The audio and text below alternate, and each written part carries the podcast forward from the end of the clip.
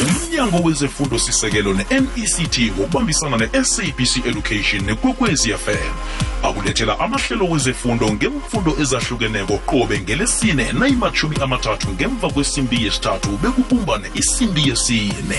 Ungaphundwa mfundi.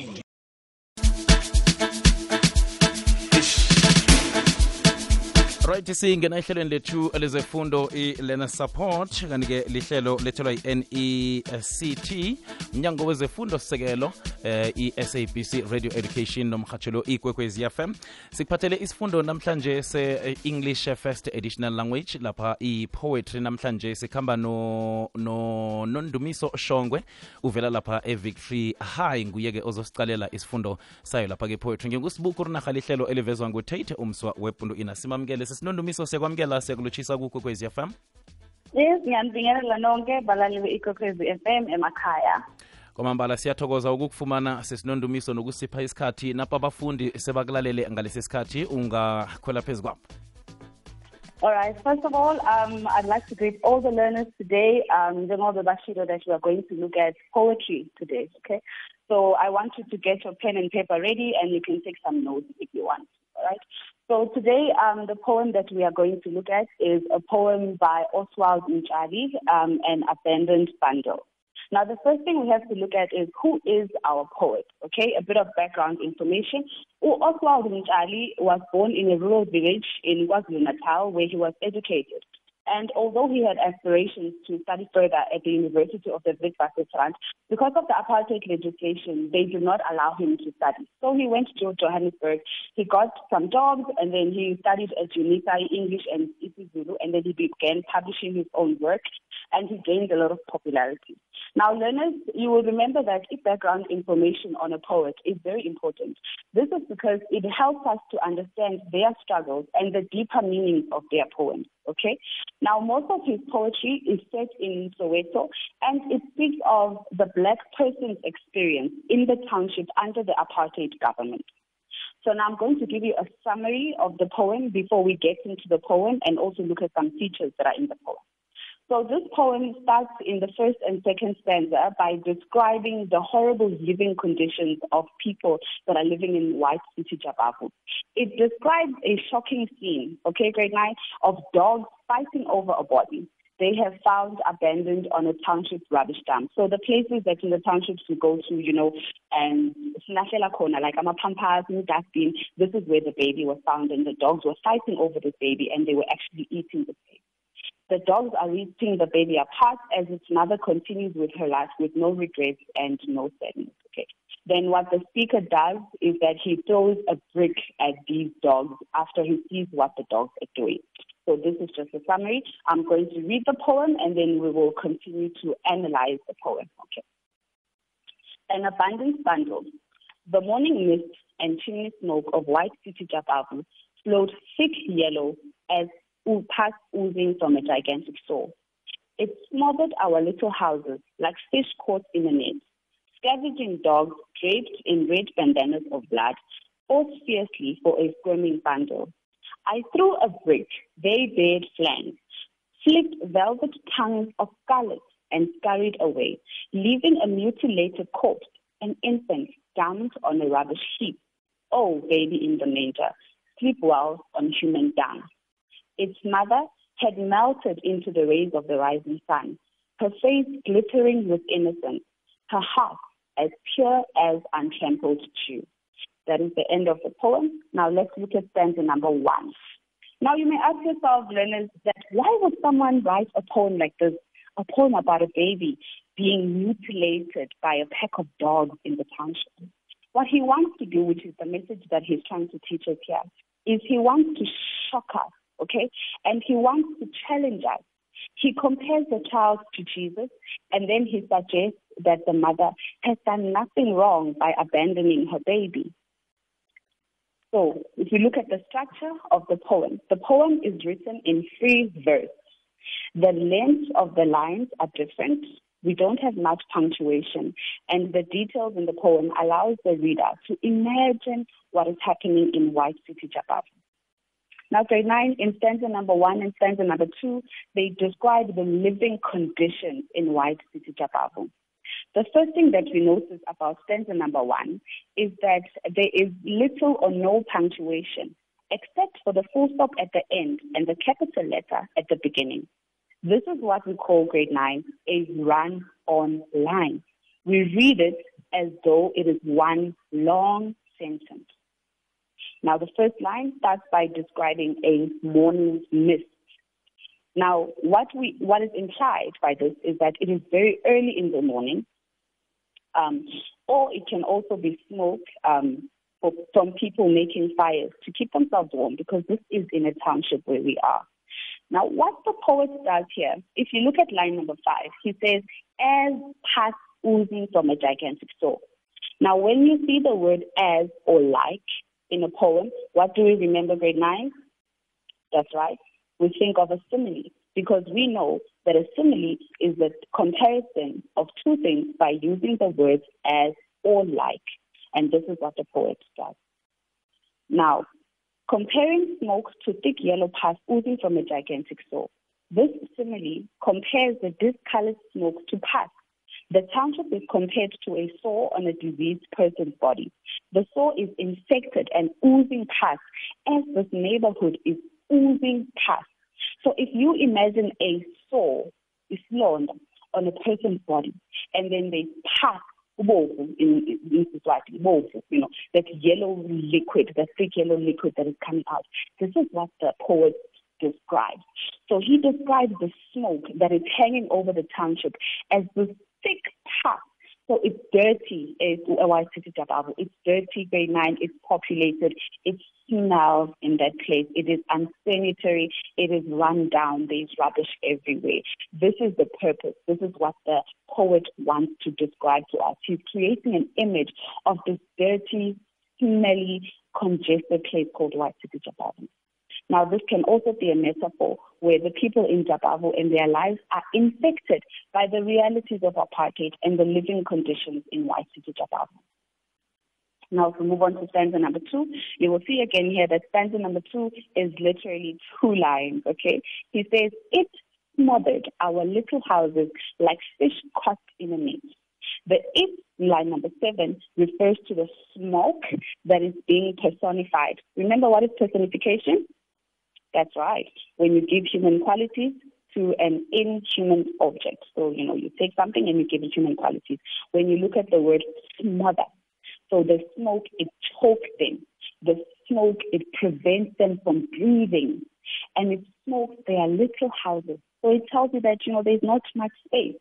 It is squashed, it is congested, um, the houses are very close together, and the people in White they feel suffocated by the smoke that is there and they feel suffocated like fish caught in a net. Again, we see the word like, which is a simile, like fish caught in a net. When you think of fish, fish that are caught in a net in the river, okay?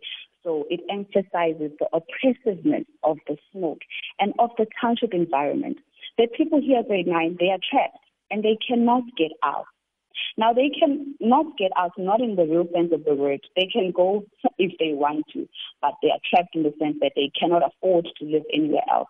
And the government also does not allow them to live anywhere else except here in White City Jabavu, in the township, in the congested township of White City Jabavu. By comparing the smoke to a net and houses to fish, the poet creates a clear image of how people are trapped here in White City Jabavu. Remember what we said, grade nine, about that personification in line number seven. Um, the smoke is given the human quality to consciously smother another human being. To smother, when you take a pillow and you cover someone's face and you're trying to choke them, you know, you're trying to stop them from breathing, that is what you do when you smother. So this is what the pollution is like here in White City, Jabavu. Now, in stanza number three, it starts by describing the dogs as scavenging. So we've got scavenging dogs. Okay. Now, when we think of scavengers, uh, we think of animals that wait for other animals to die and feed on dead animals. But this is not what dogs do. Dogs are domesticated animals. These are animals that we keep in our homes. But these particular dogs are different. They are scavenging 9, it indicates a situation of hunger in this place and situation of homelessness. Dogs, um, they also here can represent the apartheid police who people were seeing as these dogs and they would just attack the black people for absolutely no reason. So I want that to keep that in mind, okay? That the dogs here, the scavenging dogs, can also be um, a representation of the apartheid police during that time. Miss Now, what are Shongwe? these dogs? Okay. Miss Shongwe Yes. ngiba ubona usibambele njalo kancane siyokuthengisa nasibuya Okay. kosiza kuragela Okay, phambili no problem. Aha. izokele sibuyela ihlelo lethu lezefundo lethelwa mnyango wezefundo sisekelo nect ngokubambisana ne-sabc radio education nomhatsho ikwekwezi fm kukhanya ba sikhamba no miss nondumiso shongwe uvela lapha-ke e-victory high miss nondumiso ungaragela phambili Okay, ngiyabonga.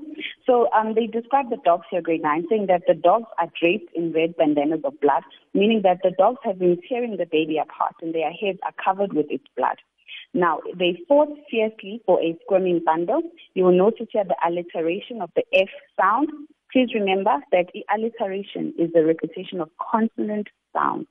It indicates a fierceness and a determination and resolution because, you know, the baby is still alive. And we know this because in Lyman itself, the dogs were fighting for a squirming bundle.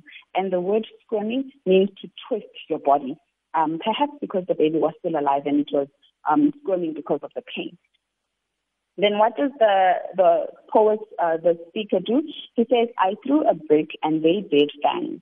Okay, um, a bed is when you know to bear fangs when the dogs open their mouths and then they see these fangs or these teeth, which symbolize uh, savagery and horror, emphasizing the repulsive nature of the dogs. These dogs are very aggressive. And as they open their mouths, the speaker sees that their tongues are red, velvet tongues of scarlet. Scarlet is a red color, deep red color. And velvet, you know, is a rich, smooth um, material. So this uh, line is a direct contrast with the horrible situation that is actually taking place here. And when the author, when the speaker throws the brick at the dogs, the dogs scurry away, meaning that they run. And what do they leave behind, grade nine? They leave behind a mutilated body, a mutilated corpse. Sorry. So now we know that the baby has died. This is what the, the dog leave behind. So they've torn apart this baby, and now the baby has died. It's a mutilated corpse. An infant who was dumped on a rubbish heap. Oh, baby in the manger, sleep well on human dung. Now I want you to think about a manger. Now you know that the manger is reference to whom? That's right, to baby Jesus, because Jesus, you know, is the only baby that was born in a manger. So this is a reference to Christianity. Okay, this is ironic, grade nine. This is what we call an irony, because we know that the apartheid government was a very religious. Um, they were a very religious group of people, but what they did was not um, so Christian-like. You know, not a per- the person that's a Christian would not do anything like that. Okay, so he she um, they leave the baby on human dung. So this is where the baby is. The dung uh, is rubbish you know, it's got excre- it's got feces. So that is what it, that is where the baby has been left by the dog. The dung emphasizes what? It emphasizes the horrific um, physical and mental conditions. And that South Africa is no place for the innocent. When we think about Jesus, grade nine, we think about um, someone that is innocent, someone that was blameless. Just like this baby. This baby was innocent, was blameless. Although um, Jesus was innocent and blameless, he was still crucified and he didn't deserve it. Same as this baby. This baby was innocent, it was blameless, and yet it still succumbed to these horrible conditions in South African townships. Then let's look at the last stanza. What happens to the mother? The speaker says, its mother had melted into the rays of the rising sun, her face glittering with innocence and her heart as pure as untrampled dew. Again, this is the simile that we see on line number 25. Now, this woman could be seen as a metaphor of the social conditions in South Africa. She gave birth to an unwanted child who she abandoned. Okay? And this child can be seen as black people who were abandoned by their mother, which is South Africa, to face a terrible future. So South Africa is seen here by the speaker as having left her baby to fend for itself. Okay? She carries on with her life like nothing happened. She has no guilt whatsoever about leaving this baby there. So this is what we see in the last stanza. Now, the mother disappearing can also be a result of poverty and not being able to take care of the child, if you look at it in a literal sense. Or otherwise, you can also look at it as- a metaphor for all the things, the conditions in South Africa, you know, the social conditions at the time. So here we see the speaker really writing this um, powerful poem and sending this message um, about what it was really like to live in apartheid South Africa. Now, I want you to remember these important things, grade nine, that a simile is when you compare things um, using as or like. A metaphor, however, is a direct comparison without using the words as or like. Remember from our lesson today that alliteration is a repetition of consonant sounds. If you are not sure what a consonant is, you basically take out A, E, I, O, U, and then all the other letters of the alphabet are the consonants, okay? But when we repeat um, the vowel sounds, which are A, E, I, O, U in poetry, that is what we call assonance. I also want you to remember today that when a poem is written in free verse, it will have little or no punctuation, okay? The lines will be different in length, and it will contain a lot of descriptions and images that create mental pictures in us so that we can really take ourselves and put ourselves in the speaker's shoes and know what it's like to be in that area and feel what it's like to be in that area and see with our mind's eye what it's like to be in our area. Okay, I hope you enjoyed our lesson. That is all I have for you today. kwamambala siyathokoza sesinondumiso sithokoza khulu kwamambala ukukwabelana nathi nabafundi eh, isifundo se-english first additional language eh, poetry sithokozile Awusibonga mina kakhulu. Kwamambala izwakele silijamisela ihlelo lethu lezefundo. Lethelwa mnyango wezefundo sekelo nect eh, sabc radio education and reaching minds and reaching lives. Nomhatshelo ikwekwezi fm ngingusibuku rinarhasi endabeni zephasi. Ngale kwendaba zephasi uragela phambili uking b kilo mhatsho ikwekwezi fm king! Kuri mangeqemsinya ngize ya izangapho yezwa uzwile isifundo sepoetry. Zwile bengakhumbula ukuthi ye sibuya kude. Sibuya kude yaziziwe bekunomunye utitshere besimbiza ngophatharhe esikolweni. Ya umene phatharhe Mm. athi yabona usimindi yasibeka ensuku yembi untona uyo itsho nje abamaziko nje bitlibek uphathaka bekafundiswe sokuza athi usimindi yasibeka ensuku hayi titlerbekakufundisa uyize ande-ke abotishela abanjalo benibapha namagama benibapha namagama ningababizi eh, um ngembongo zabo kodwana ke mina bapha amagama nazothi mm. nakavelawo mm. nangubani bani nangubani bani? Eh, nomunye ngeze ngalitsho yazi nami nginazo kodwanaekugcine ngigcina lihlolile igamelo nayo ukuthi heyi kutshiwo mina la. Biziwe korei nasiya ikurnaha ngiyicalile. Ihlelweli ulilethelwe mnyango wezefundo sisekelo mect ngokubambisana nekwekwezi fm ne-sabc education.